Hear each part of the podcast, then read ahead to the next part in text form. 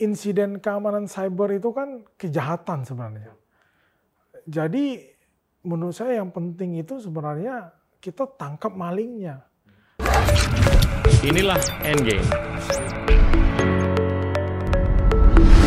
Dengan semakin banyaknya, nggak semakin banyak, tapi semakin menambahnya pemain di marketplace. Keeping talent itu kan nggak gampang juga kan. Iya pak.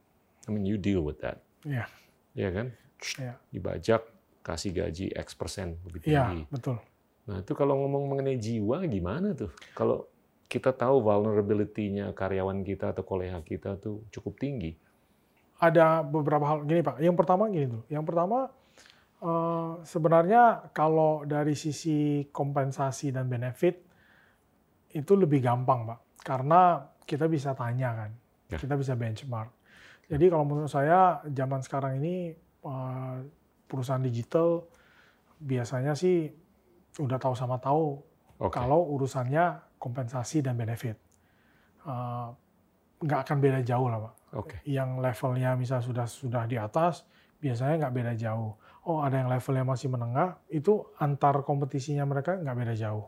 Oke. Itu paling gampang pak karena itu kan angka gitu. Ya. Nah memang yang paling susah itu adalah apa jiwanya ini harus kita tularkan. Iya. Nah, yang menurut saya yang paling penting itu yang yang pertama eh, menurut saya udah nggak zaman lagi eh, one way communication ya. Iya. Jadi eh, hanya perintah gitu. Itu eh, nggak nggak zaman lagi menurut saya. Iya. Menurut saya perintah itu iya, tapi lebih ke arah visi. Iya. Visi apa yang mau kita capai tentang misalnya tentang gimana customer care kita membantu Hmm. user. Oh visi bagaimana uh, merchant relation kita membantu orang. Hmm. Visinya uh, pasti kita ada. Kita Hmm. mimpi kita bermimpi kita mau begini. Oh tahun depan kita baca lagi artikel di luar. Oh ada lagi mimpi yang baru. Ada lagi Hmm. mimpi yang baru. Nah kita harus memberikan mereka kesempatan untuk berkembang juga. Ya. Dan supaya mereka bisa berkembang, mereka harus mengeksekusi. Hmm. Dan yang paling penting mereka harus bisa punya thought proses mereka sendiri dan Hmm. mereka bisa ambil keputusan sendiri. Oke. Kalau kalau enggak mereka mereka ini jadi nggak bisa mature juga kan. Ya. Dan menurut saya nggak ada orang yang mau di tempat yang mereka tidak bisa berkembang. Ya. Nah itu salah satu yang paling penting sih menurut saya pak. Dan yang yang yang ke yang terakhir ini menurut saya talent itu harus percaya pak. Ya. Mereka percaya nggak sih bahwa Tokopedia itu akan melakukan pemerataan ekonomi secara digital. Kalau mereka tidak percaya, misalnya ada contoh begini, mungkin ya ada orang yang bilang, oh nggak bisa, merchant kita banyak yang gaptek. Mungkin dia lebih percaya visi misinya perusahaan edutech misalnya. Hmm. Karena apa? Edukasi dulu harus bagus. Iya. Setelah edukasinya bagus, ya itu eh, ya apa namanya? Karena dia percaya ke arah situ. Kadang-kadang bagaimanapun kita eh, ngobrol, kita ajak diskusi, itu pasti sudah punya ini sendiri. Mereka sudah punya ini sendiri. Tapi kita juga tidak tidak mengharamkan hal tersebut. Kita malah bangga, Pak. Jadi kami merasa gini, ka- ka- kami memimpikan Tokopedia itu kayak universitas gitu. Iya. Jadi universitas kan terkenal bukan karena sosoknya, Iya. bukan karena siapanya, Hmm. tapi karakter itu kan. Betul. Jadi orang misalnya kadang masuk universitas A itu mereka karakternya terbentuk, mereka itu seperti ini gitu. Nah, eh, dan universitas itu pasti suatu saat orang lulus dari universitas itu. Iya. Nah, Tokopedia itu kita sering eh, merayakan kelulusan. Baik lulus internal maupun lulus eksternal.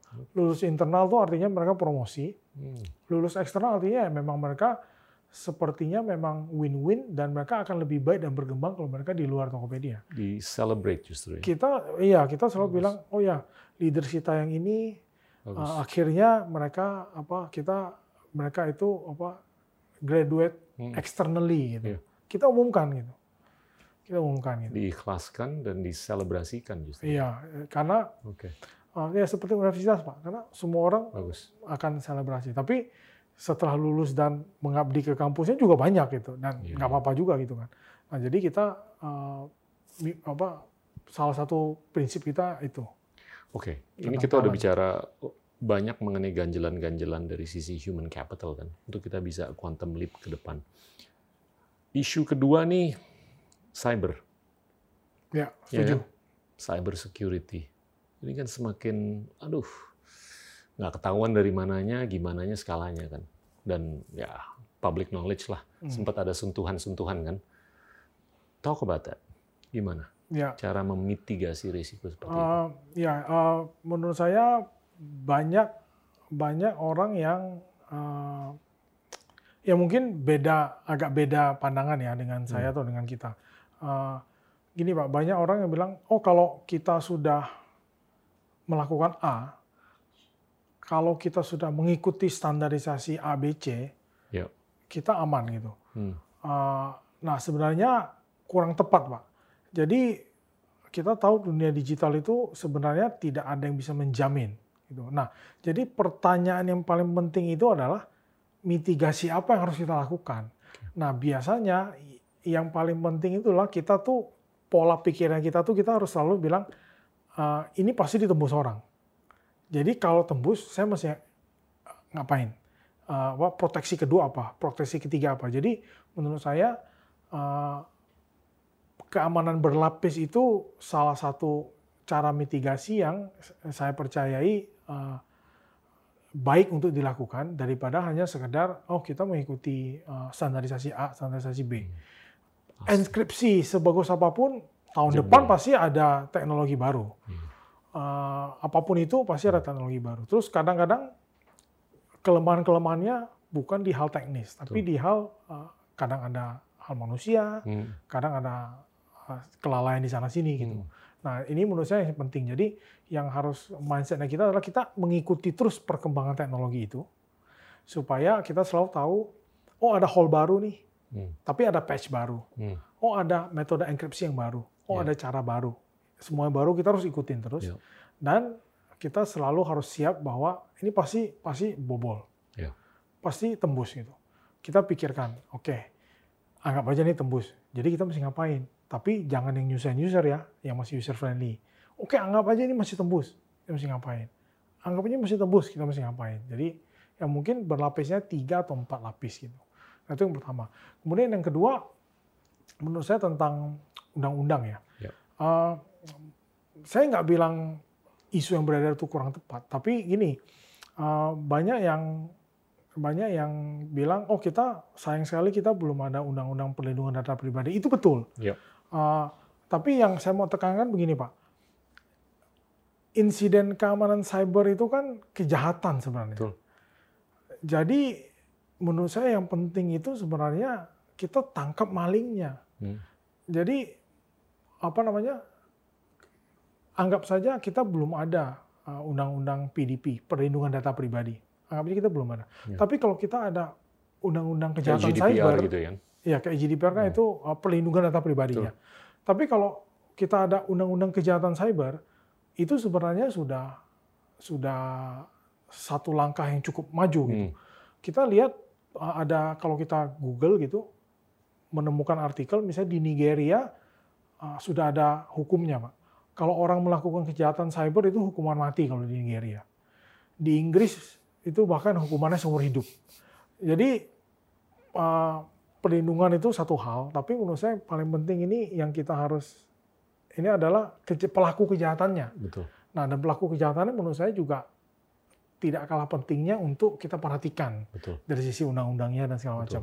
Nah, yang kedua, uh, ka- karena gini, karena uh, analoginya gini Pak, analoginya adalah ini kan kita punya rumah gitu. Kadang kita sudah pakai CCTV, apa Ya. gembok gitu, kadang tetap aja kecurian gitu.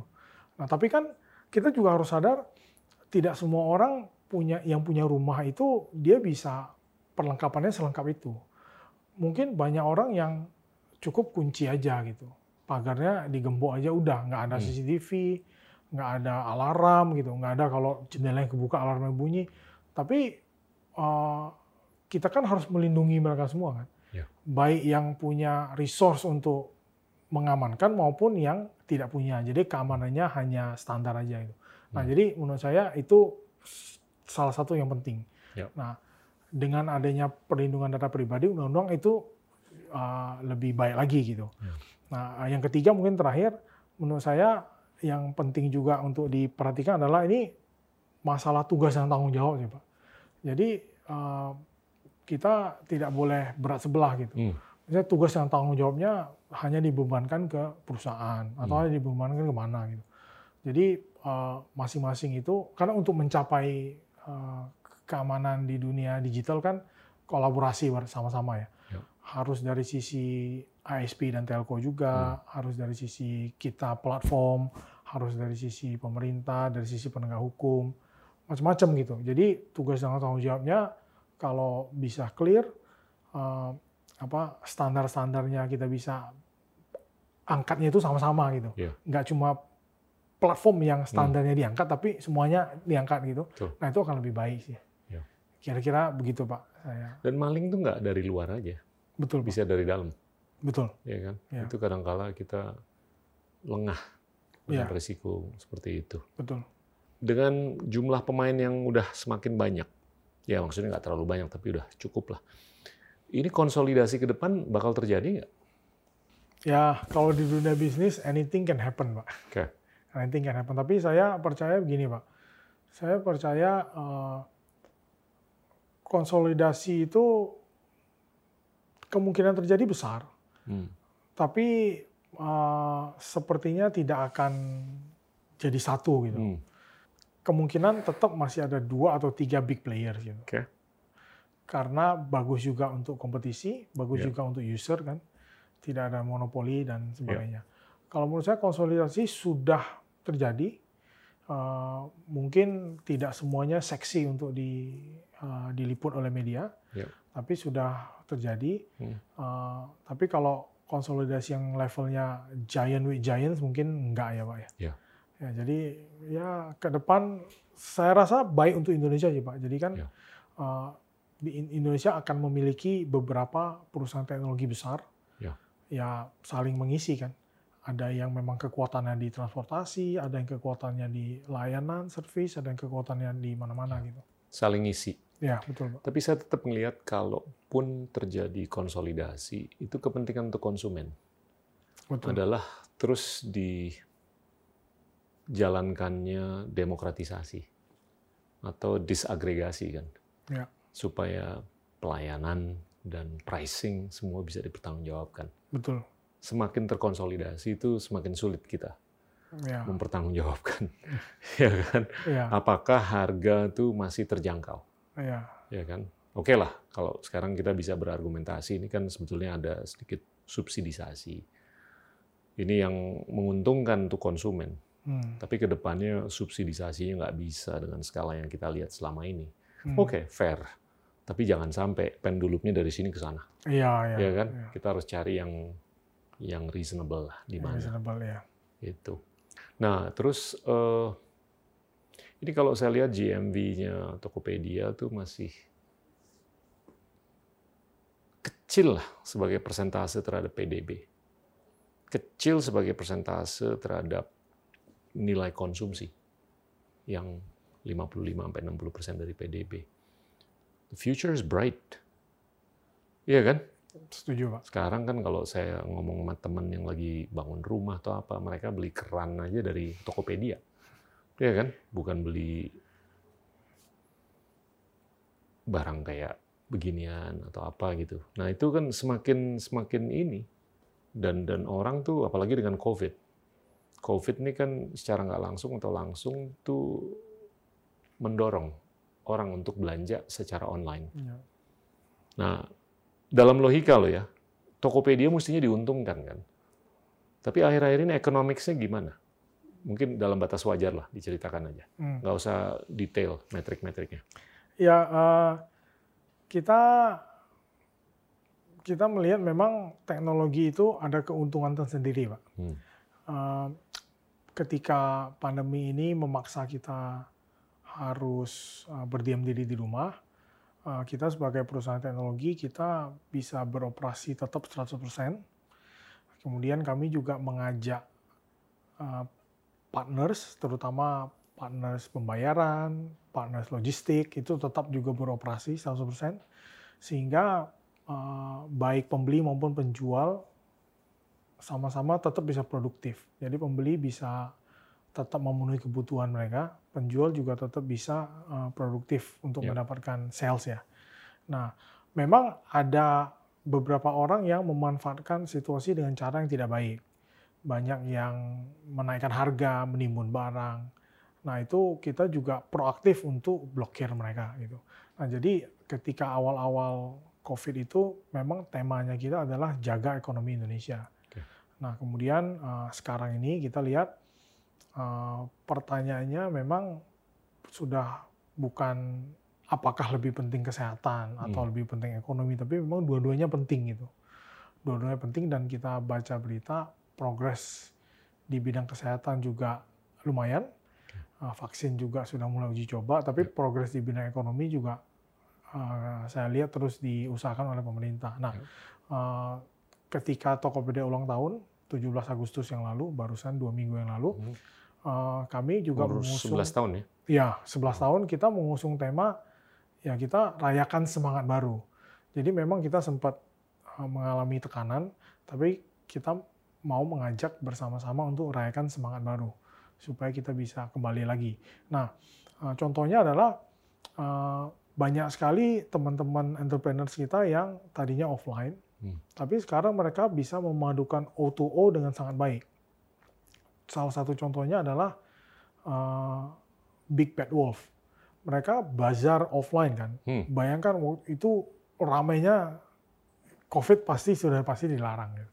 Tapi akhirnya mereka uh, kita ajak, uh, kita sudah bikin Big Bad Wolf mungkin udah tiga kali ya online Wow. di Tokopedia dan itu uh, Ini hampir lancar sama sekali, seperti yang dilakukan Alibaba ya, yang tiap tahun itu.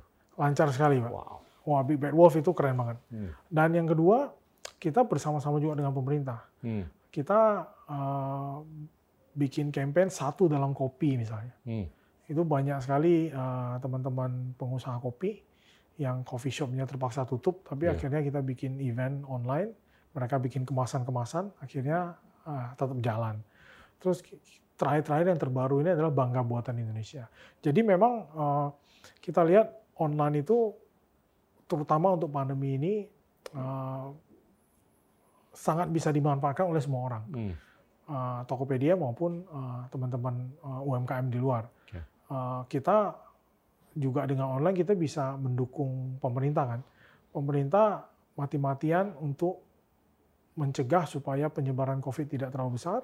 Ya. Uh, Banyak himbauan, kita berlakukan PSBB, kemudian sekarang PSBB transisi, tapi dengan online kan masih, uh, walaupun PSBB, kita tetap bisa minimal kebutuhan kita tidak tidak kekurangan gitu. Ya. Uh, penjual tetap naik gitu. Ya. Uh, jadi uh, kita melihat memang sisi positifnya banyak. Tapi memang Jumlah transaksi meningkat justru ya. Iya Pak, jadi kita Oke. orders, hmm, jumlah seller, jumlah buyer itu meningkat memang cukup tinggi. Nah, tapi memang ada beberapa uh, kita juga lihat ada beberapa perubahan. Ya. Uh, banyak sekali uh, pola konsumsinya sekarang adalah hal-hal yang dibutuhkan Iya, esensial. penting. Ya. Ya. Banyak hal-hal yang mungkin masih bisa ditunda memang Iya. terjadi penurunan. Pasti Bahkan ada yang drastis sekali. Iya. Kita aja di rumah begitu. Ya, Eh, misalnya contoh teman-teman kita di bidang fashion ya. Hmm. Nah, kami juga tidak tinggal diam, Pak. Kita mencoba untuk membantu. Kita bikin itu ada Jack Cloth. Kita Hmm. juga bikin itu eh, brand lokal semua kan. Ya. Kita bikin juga online-nya. Kemudian ada Jakarta Sneakers Day. Kita bantu mereka bikin juga. Jadi eh, ya kita usahakan apa supaya eh, walaupun berat tapi eh, tetap masih ada harapan. Bagus. Saya mau tanya nih, ke depan agak saya tarik ke depan ke tahun 2045. Gimana nih? Leon itu udah umur 64. Iya. Iya kan? Tokopedia udah sebesar apa?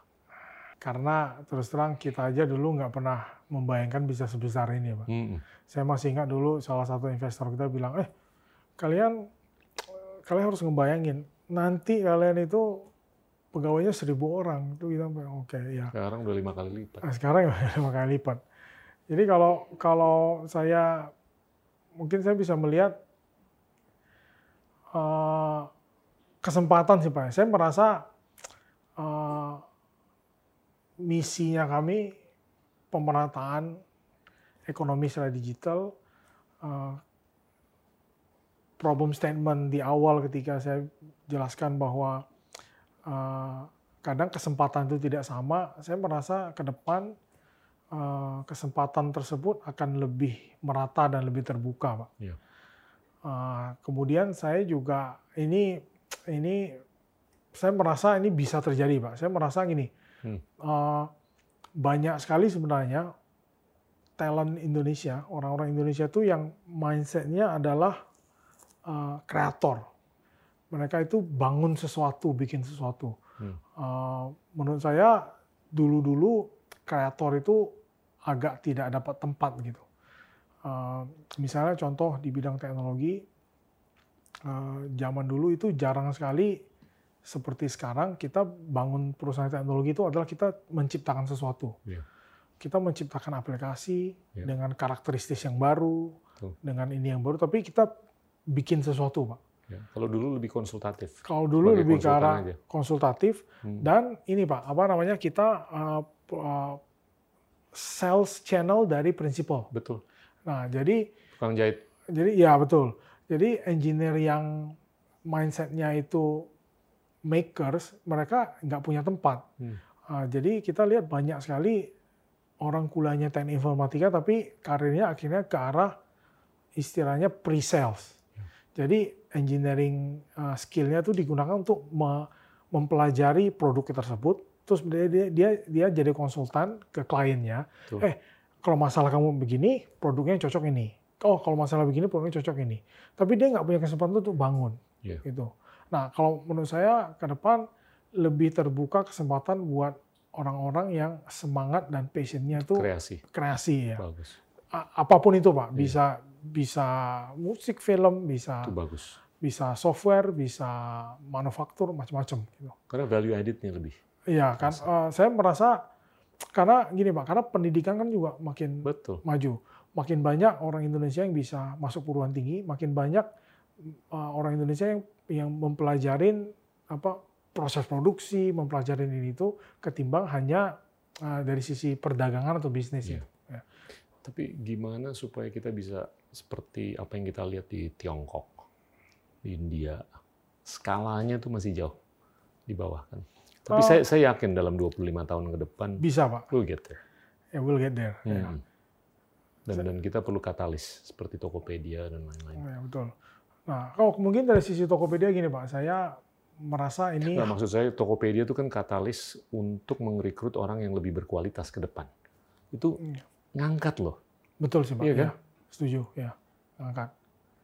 Jadi end game-nya gimana nih Tokopedia 25 tahun dari hari ini? Uh, Udah nah, mengcapture seluruh dari total konsumsi di Indonesia atau mengcapture sebagian, sebagian besar? Ya agak agak susah diprediksi Pak. Tapi end game-nya saya lihat begini. Ada ada mungkin ada dua hal yang bisa saya sampaikan ya. Yang pertama gini Pak. Yang pertama kita lihat uh, di negara yang sudah lebih maju, mereka itu ada generasi awal. Nah, generasi awal success story ini mereka itu jadi uh, pendorong, supporter, hmm. jadi mentor untuk generasi selanjutnya. Yeah. Nah, yang sangat terkenal kan PayPal Mafia. Uh, itu generasi PayPal Banyak sekarang. SpaceX, Tesla. Ya, mereka jadi hmm. ya pendorong kan untuk generasi selanjutnya. Hmm. Nah, kami juga merasa uh, Tokopedia dengan semangat kita seperti university, hmm. Ah, kita merasa akan banyak orang yang graduate dari Tokopedia dan mereka bisa berkarya jauh lebih baik di luar. Wow. Nah, itu satu pak. Nah hmm. yang yang yang kedua ngobrol-obrolan saya dengan William ya. William juga sangat sangat mempercayai hal ini. Uh, saya juga waktu dengar penjelasan dia, saya juga uh, kagum dan saya setuju dengan dengan dengan apa yang dia jelaskan ke saya gitu. Hmm uh, di di Indonesia kita tuh masih ada satu stigma bahwa kalau ingin sukses harus jadi pengusaha. Uh, sekecil apa pun, tapi kalau pengusaha itu levelnya langsung naik sedikit. Nah, tapi kita lihat sebenarnya di negara yang lebih maju, menjadi profesional pun itu sangat-sangat sukses dan Tuh. sangat dihargai. Tuh. Nah, saya merasa Tokopedia kita itu bukan family business, Pak kita memang dibangun dengan mindset kita mau Tokopedia bisa bertahan uh, panjang gitu. Ya. Kita mau selalu ada suksesi kepemimpinan, selalu ada suksesi talent gitu. Uh, dan uh, kita mau orang itu merasa bangga dan tidak haram dan statusnya tidak lebih rendah ketika mereka datang, mereka bekerja, mereka jadi pemimpin yang baik secara profesional di Tokopedia. Uh, ini William jelasin pernah jelasin ke saya dan beberapa kali kesempatan dia jelasin keluar dan saya merasa itu memang benar itu tepat sekali di Indonesia belum banyak hmm. uh, success story seperti itu hmm. mungkin ada satu ya perusahaan uh, Indonesia yang sangat-sangat bagus banget uh, terkenal secara nasional dan internasional suksesi kepemimpinannya juga ya. jalan terus tapi saya saya bermimpi ya Tokopedia akan seperti itu pak. Hmm. Jadi tetap ada tapi bukan lagi kita kita. Ya. Uh, akan banyak sekali leaders baru ke depan yang tetap membawa Tokopedia harus tetap relevan dengan zamannya nanti. Ya. Uh, harus tetap berubah terus supaya tetap eksis gitu. Saya mau mengakhiri uh, wawancara atau percakapan kita ini dengan beberapa pertanyaan. Rapid fire questions. Hmm. Tapi yang yang dijawab anggaplah konsep yang saya tuangkan ini saham. Apakah saham ini dibeli atau dijual? Oh. ya kan? Wah, Kalau pertanyaan susah ini susah. Enggak, enggak, enggak. Saya mulai yang gampang dulu deh. Konsolidasi marketplace. Beli atau jual konsep itu? Kalau saya es udah beli. Oke. Setuju. Setuju. Ya. Yang kedua singularity. Apakah itu konsep yang perlu dibeli atau dijual? Dijual kali, Pak. Anda lebih-lebih ke agak Skynet skenario ya? Iya. Lebih banyak negatif ya kalau terjadi pertemuan antara machine dengan human. Uh, yang ketiga, peran marketplace untuk menopang circular economy atau sustainable development. Beli atau jual konsepnya? Beli. Beli ya. Beli hmm. banget ya. Beli banget. Oke. Peran marketplace untuk memberdayakan dan membesarkan UMKM. Oh, beli banget, Pak. Beli banget ya. Beli banget. Ya. Oke. Leon, terima kasih, Pak. Terima kasih banyak loh. Sama-sama. Atas waktunya dan stay healthy. Ya. Sama-sama, Pak. Stay healthy. Teman-teman, itulah Leon Thomas Alva Edison, co-founder dari Tokopedia. Menarik sekali pembicaraannya. Thanks. Inilah Endgame.